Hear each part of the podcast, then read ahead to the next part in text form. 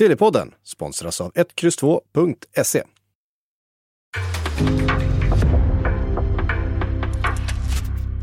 En podcast från Aftonbladet.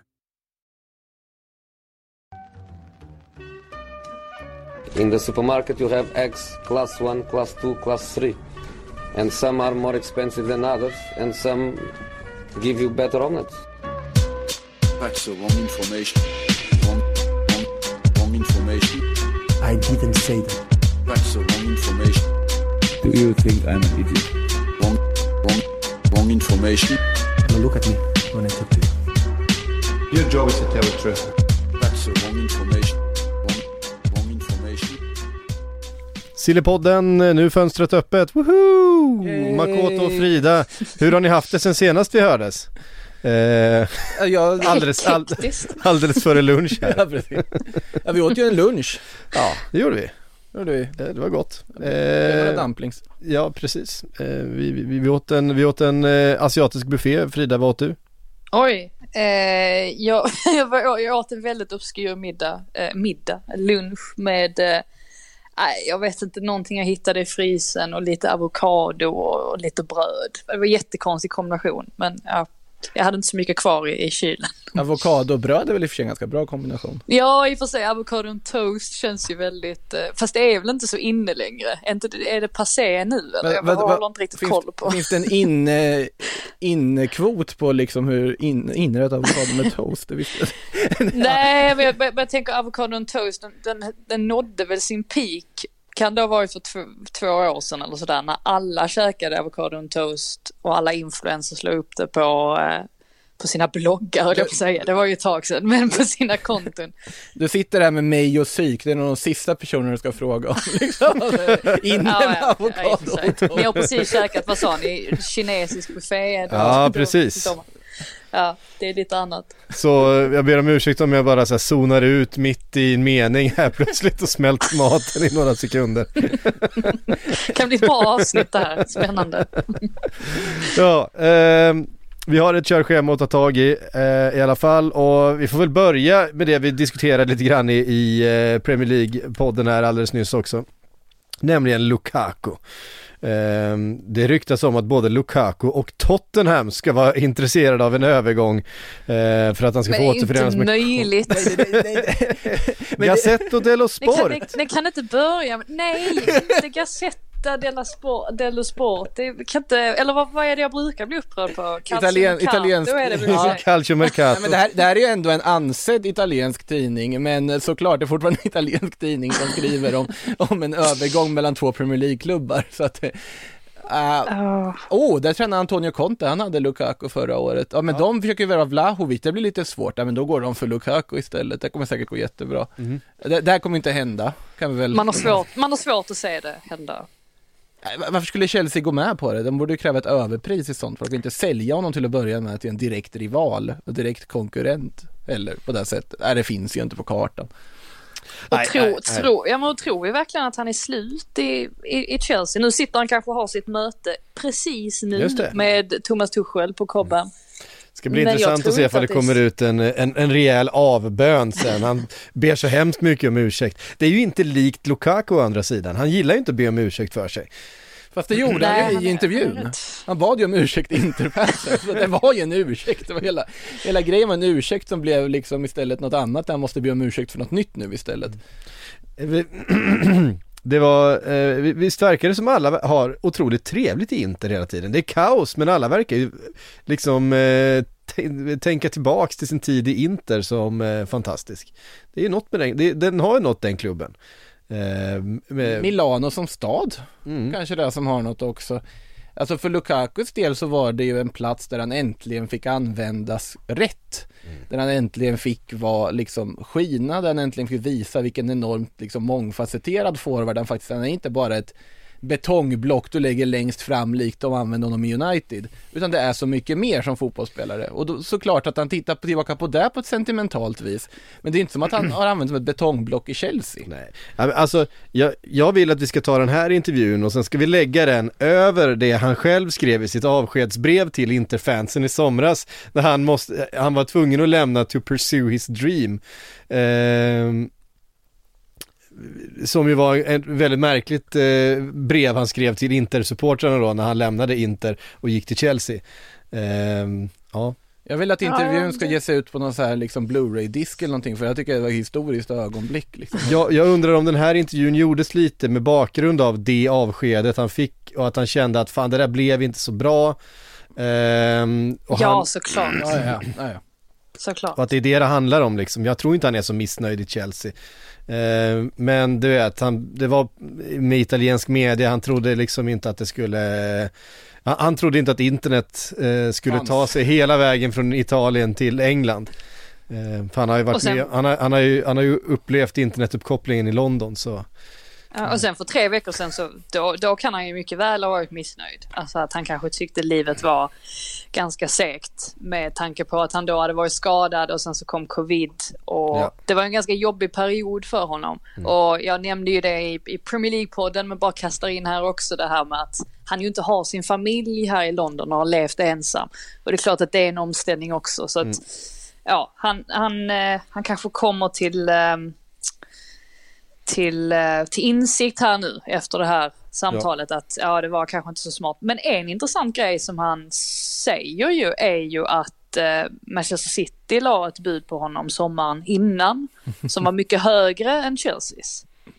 Men att han då valde att stanna i Inter. Sen vet, sen vet man ju inte om det, om det stämmer eller hur långt gång, gångna de förhandlingarna var eller alltså inte hur stort intresset var från Chelseas sida eller från Citys sida.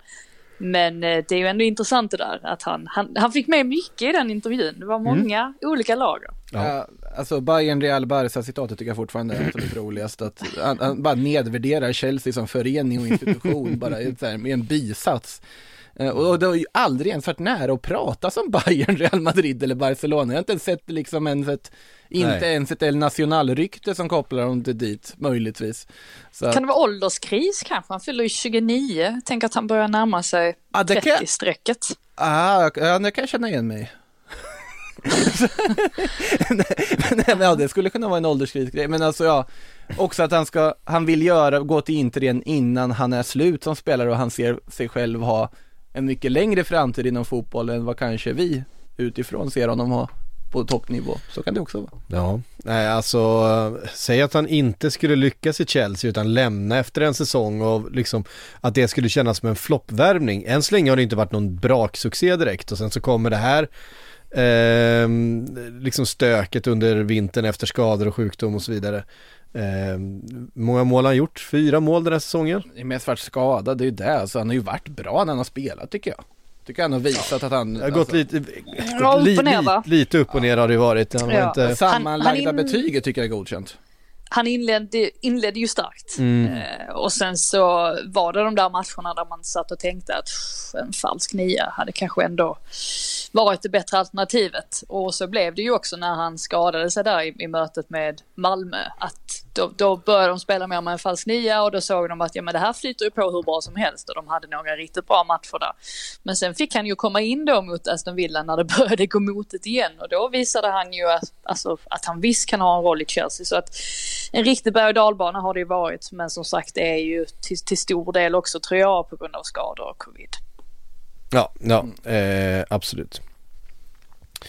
Ehm, vi, eh, vi skriver av alla rykten som rör Lukaku för han ska ju såklart ingenstans. Han ska ju eh, vara kvar. Med reservation för att eh, de säger att han ska lämna nu efter vi har spelat in det här avsnittet. Det kommer inte hända. Nej men då, då får vi ju kalla till jag en vet extra- inte, vi får, då ska, vad, vad ska man göra då? Äta upp sin sko? Det, det, det finns inte på kartan. Äta upp De har, skon de har ju precis, de har ju precis ehm, Nej ja, såklart, alltså jag, jag är med på skoätning. Be- alltså. bet- Ja, det beror ju på, beror på vad han säger. Alltså, man vet, säger. aldrig, vet ju aldrig vad han får för sig. Jag står för var, varje så. ord jag har sagt.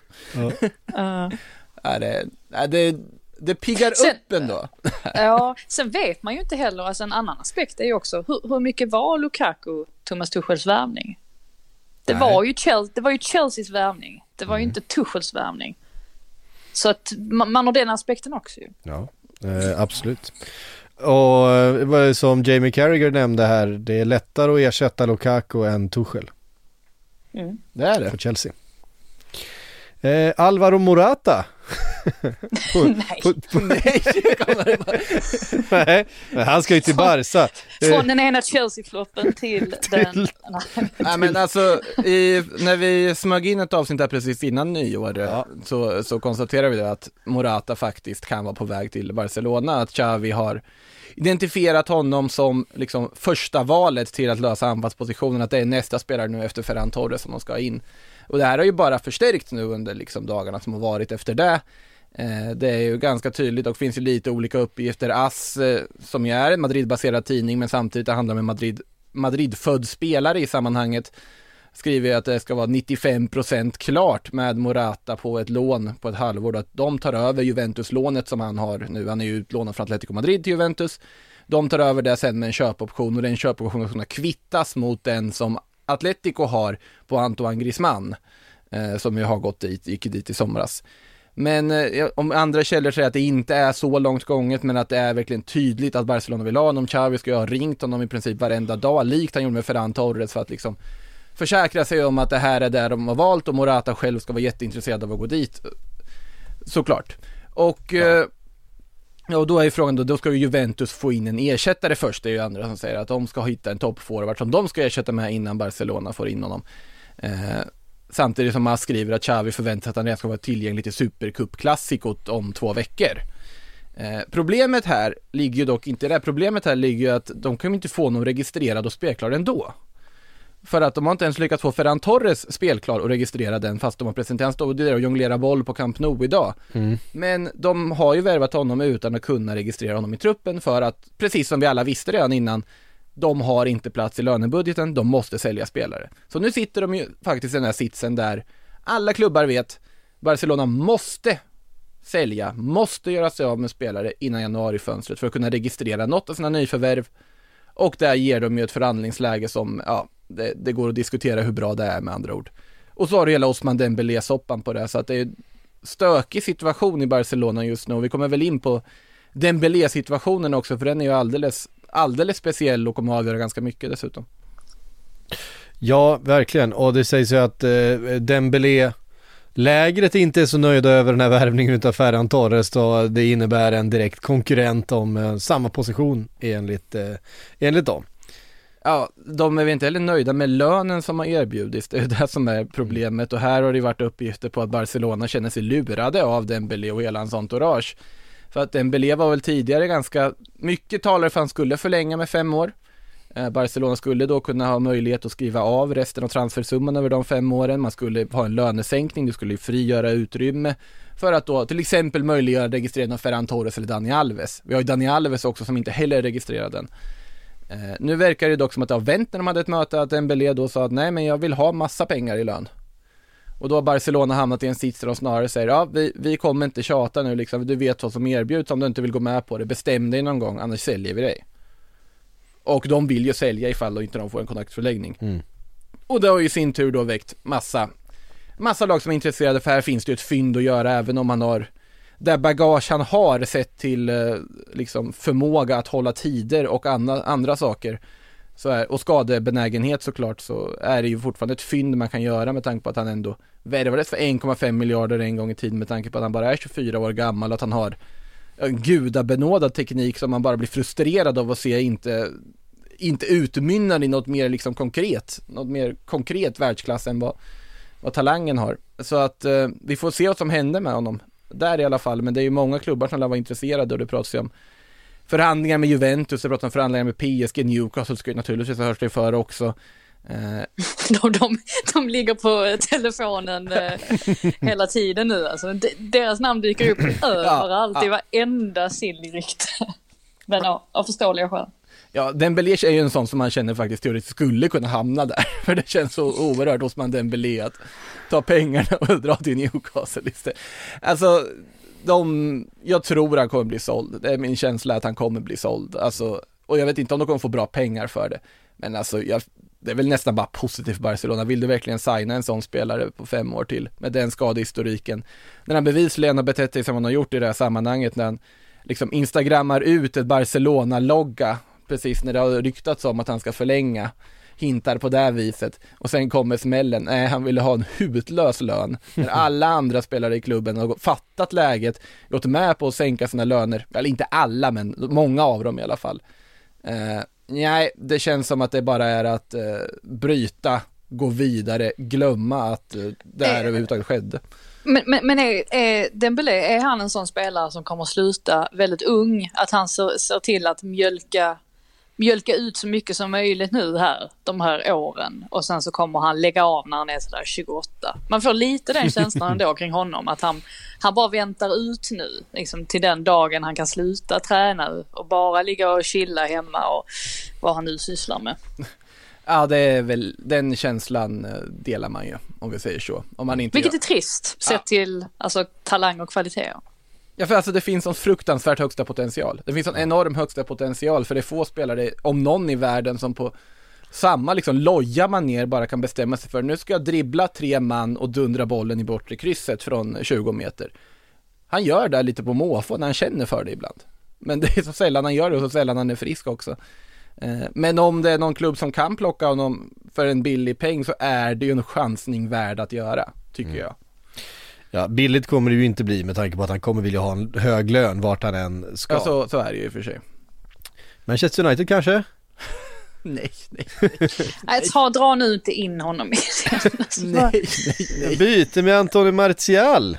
Det har, är så, så dumt. Det är ju Anthony Elanga som ska kliva fram nu ju när Martial lämnar. ja, ja, alltså det är ju, ur Uniteds perspektiv är det ju otroligt, alltså dumt.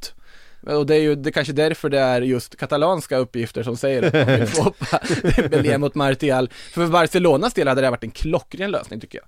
För att alltså, jag tror att Anthony Martial hade varit en jättebra anfallslösning för Barcelona. De behöver en nia. Eh, och det ska säga att man skrattar åt Alvaro Morata, men det är faktiskt en uppgradering på där de har just nu. Och det säger jag även om Luke de Jong gjorde mål igår. Eh, att det är en uppgradering. Sen, sen är det ju inte Barcelona kompatibelt egentligen, även om man kan truppen, han känner ju de flesta från landslaget, han vet vem Xavi är jätteväl och de har en god relation på så sätt, absolut. Kanske han kan ligan jättebra och alltid levererar till La Liga-sammanhang. Men eh, om Martial finns tillgänglig så där tror jag det finns någonting att hämta annars. Det skulle jag säga om ganska många lag som jagar nior som inte har en superbudget, att Martial har du ett sparkapital där. Det kan man, finns ett fynd att göra där tror jag. Mm. För Ragnik har ju varit tydlig med att Cavani, han ska minsann ingenstans. Ehm, det har ju varit rykten om det, hans kontrakt går väl ut i sommar. Ehm, helt enkelt och ehm, ja, det är ju fortfarande en kvalitetsspelare har vi ju sett för United den här säsongen. Men eh, han kommer vara kvar, åtminstone fram till sommaren. Cavani är en sån där spelare som, eh, alltså det är ingen som någonsin har tvivlat på honom, alltså rent spelmässigt. Och han har ju egentligen, jag kan inte komma på många, många matcher där han har varit dålig. Men ändå så har han liksom inte riktigt fått den där, alltså statusen att han har varit första val kontinuerligt. Och det, det jag vet inte, det, det är nästan lite som att det har, har plågat honom genom karriären. Eller jag tänker på hur det var i PSG också, det här med att han, han alltid har fått stå, fått stå åt sidan, även fast han ju är tillräckligt bra för att kunna alltså, kliva fram och, och vara den där liksom, profilerade, viktigaste spelaren. Jag vet inte vad ni har för, för känsla, men det, där landar jag lite kring honom. Alltså han, under PSG-tiden hade han ju en liten sån här Alvaro Morata-förmåga om man ska göra den kopplingen, att bränna väldigt mycket lägen. Eh, Det var ju vissa matcher det kändes som att boll, bolluslingen ville inte in vad Edinson Cavani gjorde. Men eh, som jag håller ju helt med om att det, alla gör Det har man ju inte alls sett i Man United. Nej, Alltså där nej. har ju snarare sett som, eh, ja men den som faktiskt får in bollen. Exakt, exakt, som exakt. Nej, men det är ju inte bränner. det är ju en fruktansvärt bra forward och han passar ju perfekt i den typen av fotboll Ralf Rangnick vill implementera så det är helt uppenbart att de vill Han vill behålla honom i det här läget tycker jag. Sen så nämnde han ju också att jag skulle ju hellre ta en till Edinson Cavani om jag fick välja snarare än att bli av med en Edinson Cavani. Och det är också en liten intressant signal att det kanske inte är helt otänkbart att de faktiskt tittar på anfallare i det här fönstret. Även om anfallare känns spontant som det sista de behöver så kanske han vill ha en till typ hårt jobbande anfallstyp som kan liksom komple- komplettera de här. Att Martial då skulle försvinna och United får det de vill ha, det vill säga fullt betald lön och en liten hyresavgift för honom. Ehm, och då pratas det väl om Julian Alvarez från River Plate har varit ganska mycket prat om här sista tiden, ung anfallare som många klubbar är ute efter, men jag ska väl ärligt talat säga, jag vet inte om det är rätt namn eller liksom vilka kvaliteter han har på så vis. Men uppenbarligen har han ju någonting med tanke på hur många klubbar han kopplas till. Ehm, ja, Coutinho. Står här på, på pappret också. Det, det är säkert du som har skrivit upp det. Nej, inte Nej, jag. jag, jag skrev upp det för Patrik Syks skull, för du satt här och funderade över Coutinho förut. Och- Jag gör det ibland. Ja, och det är ju, han, det är ju desperation i Barcelona-kontoret, man vill skeppa honom. Det är desperation hos Coutinhos entourage och representanter, de vill hitta en klubb till honom. Och det, telefonen går ju varm med samtal över till de brittiska öarna, för det är dit man vill skicka honom också. Eh, sägs, sades ju att Coutinho skulle föredra Arsenal, jag förstår inte varför Arsenal skulle vilja värva in honom i dagsläget. Eh, Det känns precis som positionen de har liksom en för mycket på. Exakt, ska, de behöver absolut inte Coutinho i det här läget. Eh, Newcastle såklart, Everton såklart. Eh, kan inte gå... alltså lämna Liverpool för 1,6 miljarder och komma tillbaks till Everton i bottenstriden för... Usch, ja, fast det är ju så pass mycket. mörker. Alltså, alltså de, de miljarderna som Barcelona la på Coutinho och Ousmane Dembélé. Med Ja. facit i hand. Det är de sämst spenderade miljarderna Det är otroligt. någonsin. Alltså är Det Sen det var nu ju- om. det var ju också en sommar där sånt här, det kändes som att sånt här skedde varje vecka. Och, och nu känns det som att det aldrig kommer bli så igen på något sätt. Alltså det var, det, hur mycket spenderades den sommaren när han gick? Det var väl samma som Neymar och hela gänget, var inte det? det var ju Neymar-pengarna. Alltså Neymar-pengarna brände ju Barcelona. såklart. De, Herregud. de, de brände ju Neymar-pengarna på Så Coutinho, det. Osman och sen var det Griezmann på det efter det. Eh, och sen så sitter de i den sits de gör just nu, de inte kan registrera spelare till sin trupp. Otroligt. Eh, sen- Vi kommer ju aldrig komma tillbaka dit igen. Alltså Äh, klubbar har ju inte den typen av pengar idag. i alla fall inte spanska klubbar, eller i alla fall inte Barcelona och inte medelhavsklubbarna i allmänhet, men vi såg ju bara för den här sommaren, Lukaku för en miljard, Jack Grealish för en miljard, alltså de pengarna går ju att spendera fortfarande på spelare. Men eh, Jo, men det var så groteskt på något sätt då. Alltså just den sommaren så var det... Ja, det var så svindlande mycket som hände på något sätt. Men ja, det kanske blir så när allting koncentreras till, till ett land eller till en ö så blir det kanske att det känns som att det är mindre pengar i omlopp när det kanske inte är den då. Nej men alltså i Barcelonas fall är det ju också, det är ju ripple down effekten av Neymar-pengarna som gjorde det. Och att de spenderade dem fullkomligt fel. Och prickade fel på allt de, de försökte sig på. Och så sitter de här sitsen. Nu har ju Juan Laporta väldigt nyligen gått ut och sagt här att, för han fick ju frågan om Erling Braut Haaland, för det är ju fortfarande många som tror att Erling Braut Haaland faktiskt kan hamna i Barcelona. Och han sa att såklart han kan det. Vi är med och slåss som toppspelarna igen, gick ju han ut och sa. Såklart han måste säga det.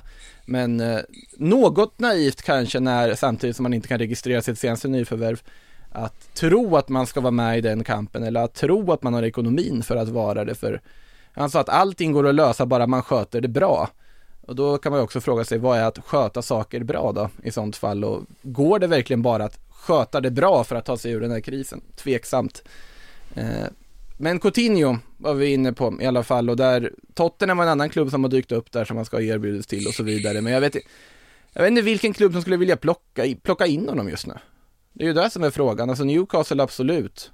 Everton absolut. Men om vi tar, tar typ Arsenal och Spurs, inget av de lagen är i något behov av honom. Och absolut inte lagen som är över dem i hierarkin i Premier League nu heller.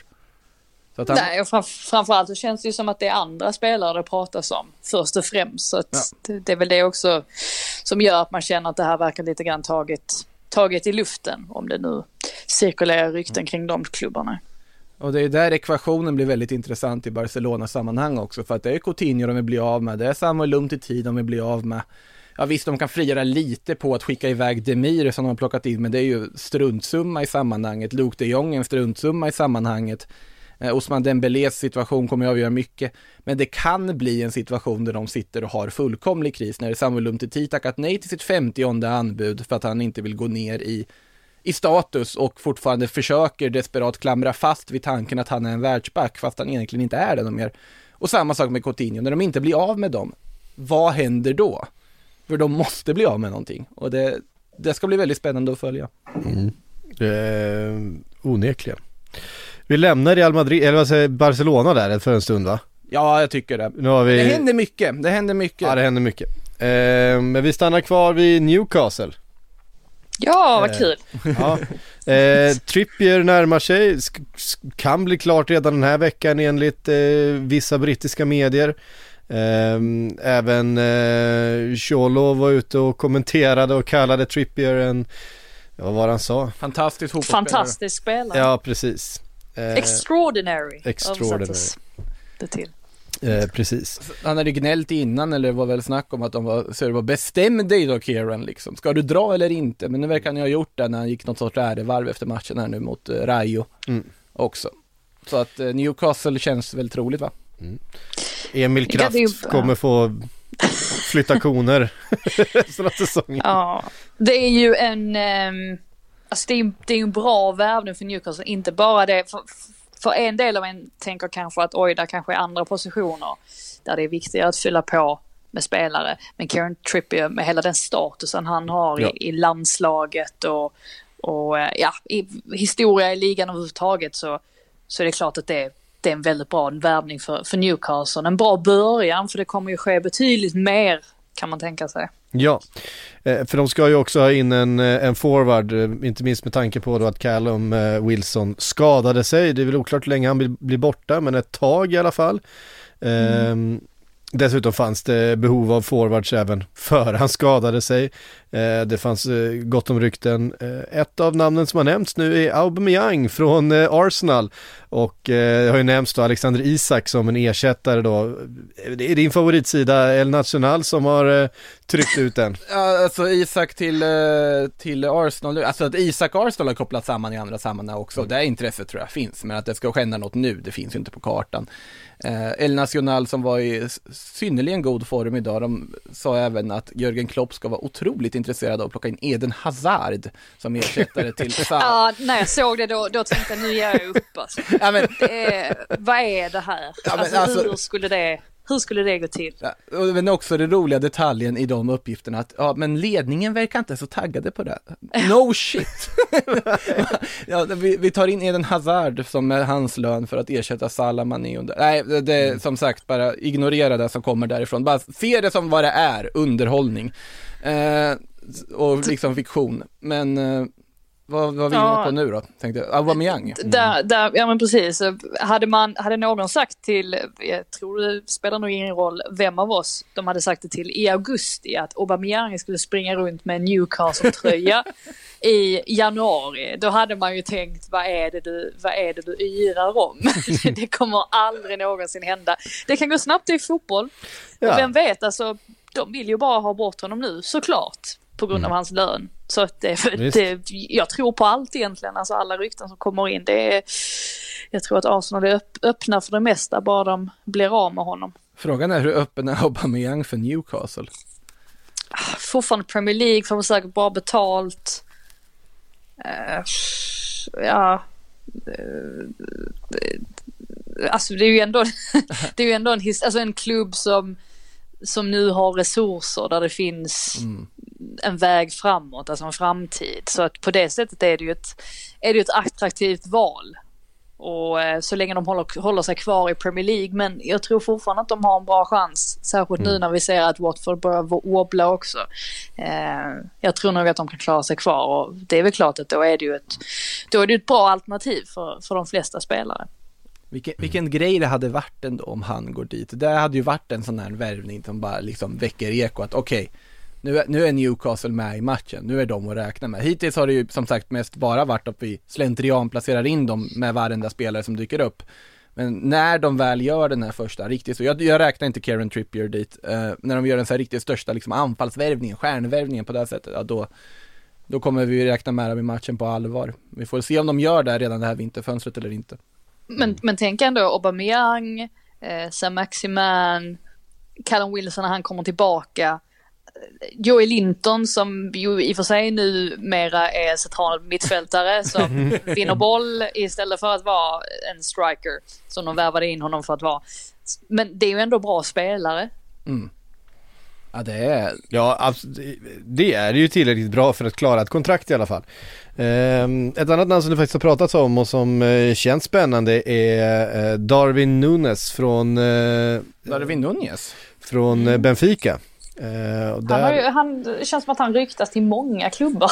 Det är Ja, han sån där leder som väl- dyker upp lite överallt. leder väl portugisiska skytteligan för stunden eh, om jag inte eh, läste fel och ehm, ska en utköpsklausul som Newcastle är intresserade av. 22 år gammal, jättelöfte, striker, ehm, har redan i sin karriär uträttat, uträttat ganska mycket. Eh, det är ju den här typen av profil som man tänker sig vid, ett, eh, vid den här typen av nytt lagbygge. Eh, man kan gå in och knipa en sån här spelare före Manchester City eller Real Madrid eller Manchester United och så vidare. Ehm, före de har blivit superstjärnor.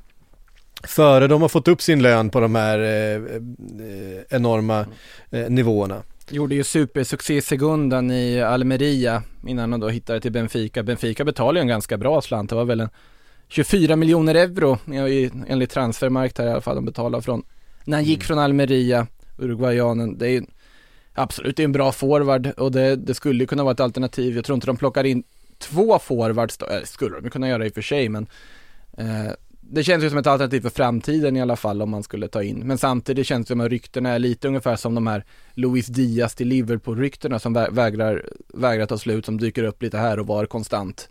Om eh, klausuler hit och klausuler dit. Men eh, absolut, Nunez är ett alternativ.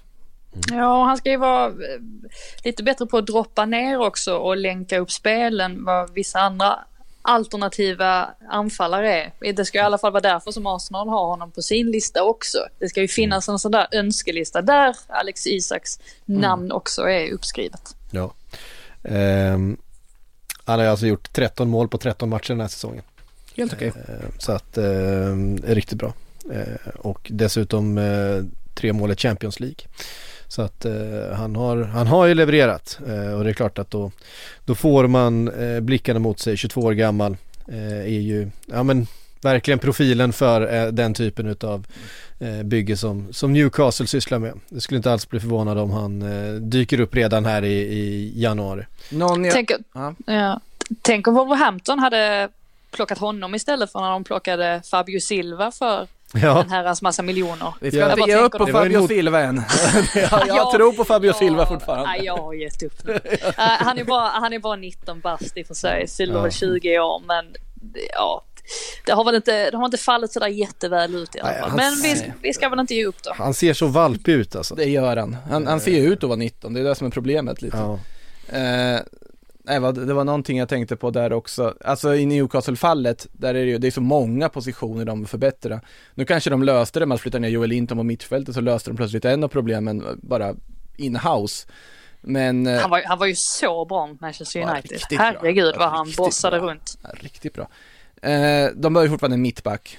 Och där Sven Bottman, detta namn som dök upp under i somras också, Lills nederländske talang. Ska, sägs ju där att han inte är så sugen på att gå till liksom en nedflyttningsstrid och kanske att Newcastle får titta på annat då. Men mittback måste de få in bredvid Lasells tycker jag. Vänsterback tycker jag väl också nästan att de behöver och där om man får sticka ut hakan känns det ju inte omöjligt att Lucas Digne hamnar i Newcastle. Nej, de var, ska väl inte, dock inte vara så sugna Everton på att släppa honom till en engelsk klubb. Eh, så som jag har förstått det. Att de kanske hellre kikar på utländska alternativ. För annars är ju både Chelsea såklart som står utan Ben Chilwell nu resten av säsongen samt en Newcastle. Det är ju, all, det är ju bra alternativ för Dinj men det är frågan om Everton är särskilt sugna på att släppa honom. Till Ja, dem. Ja, det skulle ju vara, det är väl Italien-lånet då, annars. Att dra till Inter eller något, så där, där skulle han ju kunna fungera Ja. ganska bra också. Ja, Inter var det väl som Mm. Cirkulerade. Romelu Lukaku kanske kan erbjuda sig annars och li, lira vänster, eh, vänsterback. De har redan sa- liksom honom. De har ju redan Saul också i Chelsea, han har köpt spela vänsterback så att det löser sig. Stilpodden är sponsrad utav 1X2.se med har jag i vanlig ordning Andreas Nord, välkommen.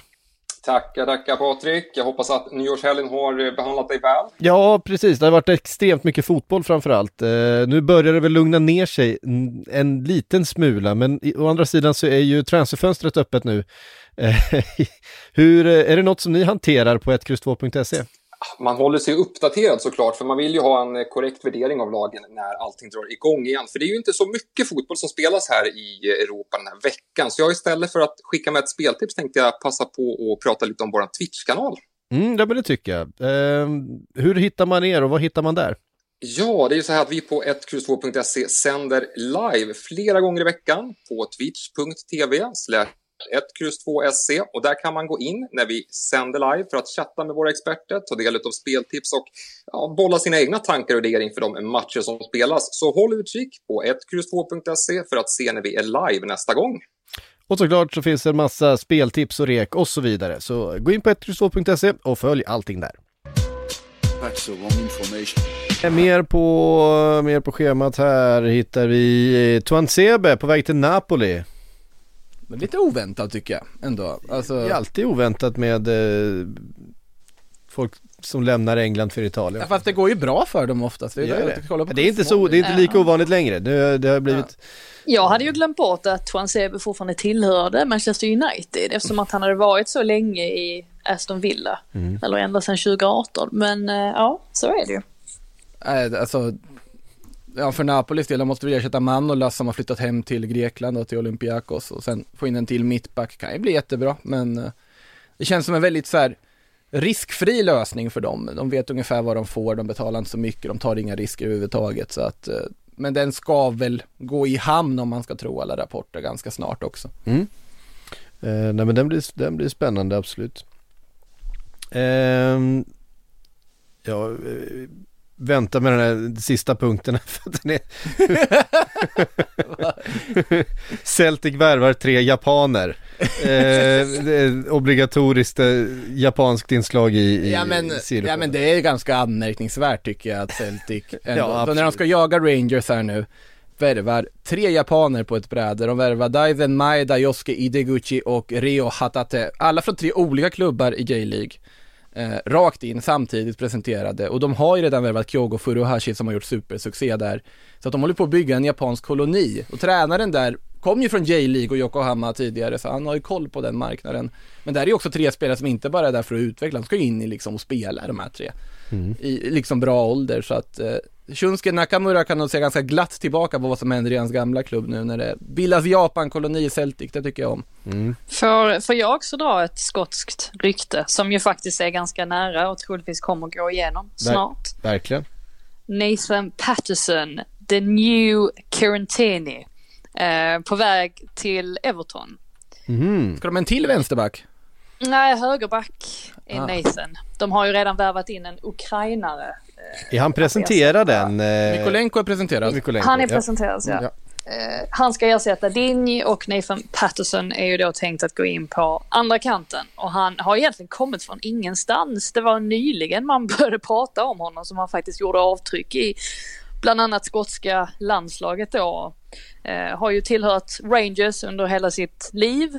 Så att de eh, är ju självklart lite, lite ledsna över att tappa honom. Eh, han är ju bara 20 år gammal, fyller 22. Eh, eller fyller 21 i, i år. Men han, jävla fart på honom. Ja, Vill man verkligen värva en 21. spelare som fyller, liksom, åldras dubbelt så fort? Man fyller sent på året tror jag. Han är ett höstbarn så att, det, är, det är ett tag tills dess. Han är fortfarande ung. Men eh, han, han, han vill man gärna se i, i Premier League och se om eh, han verkligen är lika bra som Tim. Men här, här, kommer, här kommer liksom lite sån här Fifa-nörderi in, men vad händer med James Tavernier då? För de har väl en högerback där redan, i, han engelsmannen som spelar i Rangers. Han brukar alltid vara jättebra på Fifa, det är därför man har koll på honom. Han har faktiskt inte varit, Nathan Patterson, det är det som är lite speciellt, att han har inte varit given i Rangers. Ja, Eh, utan det är, det är i skotska, sk- skotska landslaget som han verkligen har utmärkt sig. Så att, eh, men han kommer ändå kosta en slant såklart. Eh, det kommer jag inte ihåg exakt vad det snackades om men det var så här en 15 eller 100... Eh, ja det var det? 15-16 någonstans där väl. ja, miljoner pund. Precis. Ja. Lite svårt med valutorna ibland när jag ska översätta i huvudet. Det är inte helt enkelt. Ehm, läser här också, Julian Alvarez från River Plate ryktas på väg till United. Det nämnde vi ju förut. Gjorde vi det? Ja, lite, alltså lite i förbifarten ska väl dock sägas, men eh, det var ju då där liksom i Då samband hade med jag, so- då hade jag zonat ut sm- satt och smälte maten i två minuter. Det är helt okej. Ja men Julian Alvarez, som sagt, man har ju inte mycket, mycket på honom egentligen förutom att han öst in mål i River och spelare som öst in mål i River brukar ju kunna gå ganska bra. River, en av de stora klubbarna i eh, Argentina liksom och det är många spelare som vi sett göra succé i Premier League som har sin, sina rötter där. Jag tänker på Lanzini som vi nämnde i Premier League-podden och Erik Lamela och så vidare. Fortfarande ledsen att Rogelio Funes Mori aldrig blev någonting i europeisk fotboll. Men eh, innan vi nördar ner oss för mycket på den fronten så kan vi bara konstatera att det är många klubbar som vill ha Julian Alvarez. En klubb jag spontant utan att ha sett ryktet tycker borde vara där och hugga är ju Leicester. Alltså för det känns som en så här typisk Leicester-värvning tycker jag, att hitta en anfallare i den åldern som ändå kopplas till storklubbar, när de ändå är i en position idag där man kan värva från en relativt hög hylla. Och ska ha väl någon form av vice Vardy också, en ersättare på sikt, och då är väl Alvarez ett jättebra alternativ. Ja, jag, du får ansöka om nya sport eller eh, rekryteringsjobbet där nu när han, eh, kommer inte ihåg vad han heter, men han är ju på väg bort i alla fall till eh, italienska ligan. Eh, vilken bra podd när jag kommer ihåg eh, halva grejer.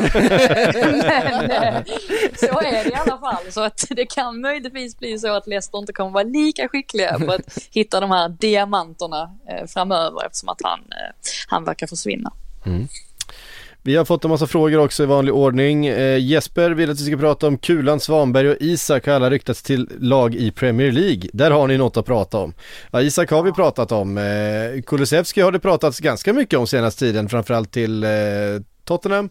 Eh, och där handlar det väl om att eh, komma överens. Det är ingen jättesumma ändå med eh, engelska mått mätt. Det pratas om en eh, 30 miljoner euro ungefär. Alltså, 35-40 snarare, men det, det är fortfarande Okej, 30 miljoner pund då.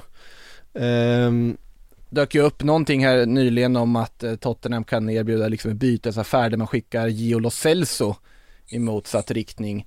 Eh, Jag tycker att det skulle vara en ganska bra lösning för Juventus del för alltså Lo Celso har någonting som vi inte riktigt fått se i Tottenham-tröjan. Han har inte fått så mycket chanser som jag kan tycka att han borde egentligen, jag tycker det är en utmärkt mittfältare i sina bästa stunder. Ja, jo men han har väl fått en del chanser, men han har väl inte riktigt tagit dem heller. Alltså han var bra. nej. Jag trodde att han skulle bli mer framstående den här säsongen, Mm. men har inte alls, eh, har inte alls sett ut som, som att det är en spelare som på sikt kommer liksom bli någonting för, för Tottenham. Så att det, det är inte jag så förvånad av i alla fall. Men det känns ju som en, alltså lite, ganska rimligt byte för alla parter, förutsatt att Tottenham också är ute och försöker värva någon form av mittfältare igen. Conte har varit ute och sagt det också att vi behöver förstärka truppen och det borde ju vara en indikator på att de ska göra någonting. Eh, och då lär de väl göra någonting med någon form av Serie A-koppling med tanke på att det är Conte som sitter där, med tanke på att det är Paratici som sitter där. Så, så det är ju inte, det är inte helt dumt att, att lyckas länka Serie A-spelare som kan vara aktuella för en flytt med Tottenham i det här läget. Eh. Nej, jag är ju mest intresserad av, ehm, för att man har hela tiden suttit och tänkt att, att Contes plan måste väl på sikt vara att gå liksom ner på ett, eh, eller spela ett 3-5-2. Och värvar man då in Kulusevski, alltså vad ser man för position på honom? För att vi vet att Jan Andersson gärna ser Kulusevski som en del av ett tvåmannamittfält. Är det möjligtvis den positionen han i så fall ska ha? eller Två man ska anfall han- menar du va? Ja, ett tvåmannaanfall såklart. Eh, eller ska, ska han liksom skolas om till någon sorts wingback? Alltså vad är, vad är tanken där? Så det är också lite spännande att se vad, vad Conte kommer att bestämma sig för. Eh, för att som sagt, de flesta har ju, sitter ju bara och väntar på att han ska göra den svängen rent formationsmässigt. Nu har han inte gjort det än, men eh, det kanske är för att han känner att han inte har spelare eh, som, eh, ja, spelare nog för att klara av att och spela på det sättet. Alltså, och sen Mattias Svanberg ska vi säga, så att den känns ju faktiskt. Alltså det är ju, det är ju inte varit några jätte liksom bekräftade rykten eller konkreta uppgifter som direkt kopplar Tottenham till Svanberg förutom mer att de, ja, monitor him så att säga. Men eh, spontant sett till ålder, prislapp, allting, behov hos Tottenham, tycker den känns väldigt trolig och rimlig. Jag vet inte om ni håller med? Ja, Ja, absolut. ja. jag väntar på Nej, dig men-.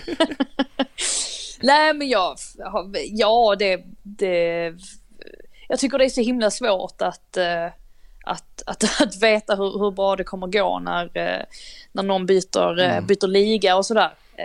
Men för, vi vet ju alla vilken högsta, högsta nivå han, han kan besitta. Så att för hans utveckling och, och sådär så vore det ju givetvis jättestort för honom att få igenom en, en sån typ av flytt. Så att på, på så vis kan jag absolut se det. Sen vet jag inte vilken Alltså vilket avtryck. Alltså, det är inte att man sitter och tänker att han skulle komma hit och så skulle han liksom vara den stora stjärnan i nästa match. Utan det är ju i så fall en process som skulle gå, gå till gradvis. Eh, Men eh, fler svenskar till Premier League, det är min devis. Så Ja. att, eh, absolut. Det ska ju sägas här också att då min rimlighetsbeskrivning av det syftade på att det kan ske, inte nödvändigtvis hur det skulle gå för honom. Nej, nej, att. Nej, övergången jag i menar så. sig Ja. sker. Det känns liksom som en övergång skulle kunna göra. Det Sen kan, beror, eh, beror lite på pengarna också. Alltså så, så mycket pengar är ju inte Tottenham villiga att spendera. Nej, men vi pratar väl runt 20-25 miljoner max för, eh, alltså, för Svanberg. Man får ju sätta det i någon sorts pris. Mer tror jag inte att de kan. Nej, prisjämförelse med ungefär vad Tommy Esso gick för. Från samma klubb. Mm. Där eh, är också i ungefär samma ålder. Ungefär samma liksom avtryck. Tommy Esso kanske lite mer då i, i Bologna-tröjan egentligen. Men där det inte kostar så mycket om man i, med facit i hand kan säga att Arsenal nog har gjort ett fynd. Jag tror att man kan se samma lockelser till att försöka värva Svanberg på Ja. så vis. Jag, jag tror ju dock att wingbacks, det kommer vara Tottenhams prioritet nu. Eh, I alla fall en, en höger wingback. Jag tror att det är det som, som Conte har identifierat som ett problem. Sen vad som händer på mitt, alltså bland mittfältarna, vissa har han ju försvarat, eller försvarat, men han har i alla fall antytt att vissa av spelarna sitter säkert som eh, Harry Winks är en sån som det tidigare var en massa flyttrykten till men som nu verkar ha, eh, ha fått förtroende av Conte. Däremot en Dombele är en sån där spelare där Conte kanske har varit lite vagare. Så att det känns ju som att de i så fall kommer skeppa någon också kanske. Så att det lär väl hända saker i Tottenham, det tror jag. För annars hade han inte gått ut och, och varit så tydlig. Det är han i och för sig alltid, Conte. är väldigt tydlig med att han vill, han vill värva spelare och sådär. Men eh, han har ju en god relation till Paratici så att de kan nog komma fram till någonting bra. Om de har kvar eh, sparat numret till Barcelona så finns det Serginho Dest där om de vill ha ännu en Barcelona högerback. Den känns inte helt, helt oäven faktiskt. Mm, nej, eh, vi har fler frågor här. Vi, den här, här har jag en spelare jag inte alls hade koll på. Eh, se ifall ni har det, jag har gjort lite research eh, faktiskt eh, senaste minuterna. Eh, Felix Ram undrar, Ludovic Aj... ah, Ludovic Aj... Julie, Ajorke? Ajorka anfallaren i Strasbourg. Ja, precis. Ja. Jag vet inte ens hur man uttalar det här namnet. Varför vet jag sånt här? Ja, ja, ja. Ja, exakt. Eh, är han något för ett lag högre upp i hierarkin? Eh, Det vet inte vi. Jag har Eh, sett för lite av Ajorke, jag ska jag helt kollar inte Strasbourg så ofta, men han har gjort ganska mycket mål. Och det som jag fastnar för är att han är fan 1,97 lång. Oh, men det, In med honom. direkt. In med honom. Han är en, han är en klassisk nia. Vem är det? Eh, Ja, ja, jag gillar ju att, att eh, han kunde ha spelat för Madagaskars landslag. Kan Ja. det verkligen stämma? Det verkar ju Det- helt sjukt ju. Det är ju Det mäktigt. verkar helt sjukt. Ja, han är alltså, Ja, det han är alltså född, född i Frankrike men har någon slags, ja men en förälder då med rötterna på Madagaskar så att eh, de eh, eh, ja, enligt Wikipedia ska de ha hört av sig eh, Vem var det som spelade för Madagaskar? Det var ju någon, ja, franska Ma- ligan också. Madagaskar är ju annars landslaget med absolut konstigast eh, namn, alltså de har ju väldigt märkliga namn på Madagaskar eh, Jättelånga, jättesvåra Viktig poäng är, Ajorka är alltså född i Saint Joseph som ligger på ön Reunion som är den sydligaste punkten i hela EU. Och den ön ligger bredvid Madagaskar. Madagaskar. Det är därifrån, ja precis. eh, ja, ja, ja. Nu har vi varit ute och farit i världen. ja, men det är väl kul ibland. Eh, verkligen, och det är, eh, ja alltså Han är väl antagligen då, han har gjort ganska mycket mål den här säsongen. Eh, nio, liksom, han är ungefär en sån här en match, eh, ett mål varannan match anfallare. Eh, stor, ser rätt, liksom, förutom att han är lång, han ser rätt stor och stark ut. Jag gissar att han har gjort de flesta av de där målen på huvudet. Eh, alltså det är ju en fördom man har mot långa spelare. Eh, såg ju Dan Burn knoppa in en här, på tal om två meter spelare eh, i helgen.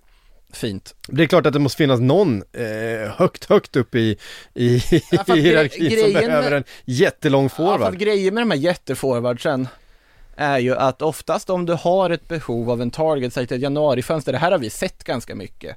Eh, och det här är också en analys jag gör bara helt ut på det blå och liksom i princip bara sitter och killgissar hur de funderar.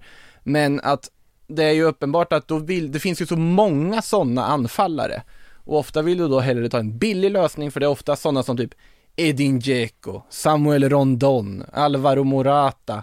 Alltså den typen av sådana här anfallare som, ja eller och nu tappar jag helt namnet på personen jag tänkte på här, eh, vad heter det, Milik såklart, i, som var i, som har gått i Marseille och ryktas tillbaka till Juventus.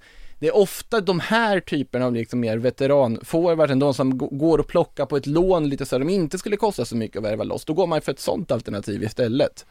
Eller Andy Carroll kan man också gå för. Det kan man göra. Han skulle inte vara så dyr heller att lösa gissar jag på. Ja, han gör väl... Nej, men eh, han, eh, ja men han spelar ju Reading nu, han, han Mm. f- tar inget betalt. Han spelar ju typ gratis. Pro bono. dem. Ja. Ja men det är fint. Det är väldigt fint. Eh, man har gjort det ganska bra också.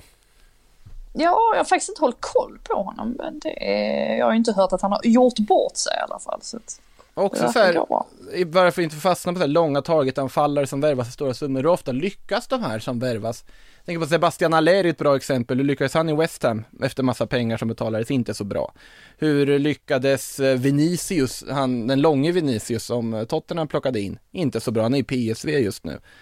Det är någonting med när de värvar de här typen av forwards som gör att, alltså jag är jättetveksam för den klubb Mm. som kommer värva Wout Weghorst, för han kommer ju säkert gå från Wolfsburg, och där har du ju liksom en, Jag, jag, En tror, klubb- jag tror på Ajorke. du tror på Jorke? Ja.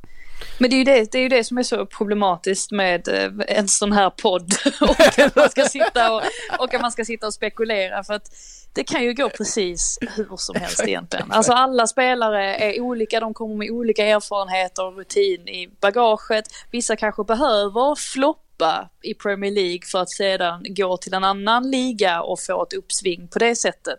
Alltså det är ju helt, ibland är det helt omöjligt att säga. Och mycket har ju att göra med attityd också. Eh, alltså, inte minst då i Osman Dembélés fall. Man, ibland kan man undra lite grann att varför, varför kollar de inte upp sådana saker? Liksom hur, hur eh, disciplinerad är den här spelaren? Hur ofta kommer han för sent? Man tänker att sånt spelar ju in i det långa loppet. Det är inte bara Fast siffror det, och det, statistik. koll, det kollar man väl hoppas jag eller? Ja, jag hoppas det, men jag tror inte alltid att man gör det. För ibland verkar ju folk nästan chock, eller verkar ju klubbar chockade över att de inte kan få styr på någon spelare som har jättehistorik av att komma för sent och ställa till med en massa stök. Så att man undrar ju lite grann hur, hur mycket Ja, men hur mycket är siffror? Hur, hur mycket är bara känsla? Hur mycket är bara vad som sker på planen? Jag vet inte. Jag får, får mig att eh, tänka på den här scenen i Sunderland till I Die-serien när de sitter där på den här League One-matchen och dissar en anfallare för att han har på sig handskar. det, där har du gå på känsla. Den, det, Ja. Känsla börjar man väl i och för sig komma ifrån mer och mer. Nu är det väl siffror, alltså det är ju rätt skönt. Nu är det väl siffror och statistik först och främst som, eh, som spelar roll. alltså Ajork hade ju varit en sån typ av anfallare som man direkt hade kopplat till Newcastle om de inte hade haft pengar. Det hade känts som en otrolig Newcastle-aktig värvning att värva typ Ajorke. Ja, och han är inte tillräckligt stor nu för, eh, för deras... eh, Deras projekt. För, för, för, ja, precis. Ja men Wout Weghorst är ändå kopplad till Newcastle så att där, där är ju ändå en spelare. Men han har ju för sig levererat lite läng längre tid och kanske har en lite högre nivå i sig. Ja, ehm, ska vi se, hinner vi med någon eh, fråga till? Ja men här har vi en från Matte Larsson, vi har varit inne på det. Eh, den är till dig Makoto. El Nacional, hur står den sig som källa? Särskilt om det handlar om baskiska Sociedad. Ja, han undrar väl om Alexander Isak skulle där då. Och jag det. tror att, alltså, bara på, vad, vad, vad har de gjort hittills det här fönstret? Eh, Barcelona ska värva Marcus Rashford, Greenwood, Telles, några till United. Hazard har blivit klar för x antal klubbar, eller var aktuell för x antal klubbar. Barcelona, Barcelona skulle värva honom. Pa- Pablo Sarabia ska tydligen tillbaks till Real Madrid. Eh, det ska tydligen vara aktuellt och han ska på fullaste allvar tro att det är möjligt. De, man tror att Newcastle ska faktiskt betala en transfersumma för Samuel Umtiti, som att någon vill betala en transfersumma för Samuel Umtiti här och nu. Eh, det är bara några exempel, men det senaste exemplet är om att Jörgen Klopp vill ha Eden Hazard till Liverpool. Det, sä- det säger väl det mesta om trovärdigheten. De, Ja, de, lägg ner. det verkar vara säger en väldigt rolig arbetsplats att jobba på, för du kan sitta och hitta på precis vad som helst. Ja, ni hör. Jag kan rekommendera Fichajes också, det är också en riktigt fin sida om ni vill ha spanska, ja, sliska vet jag inte vad man ska kalla det, men i alla fall någorlunda påhittade rykten.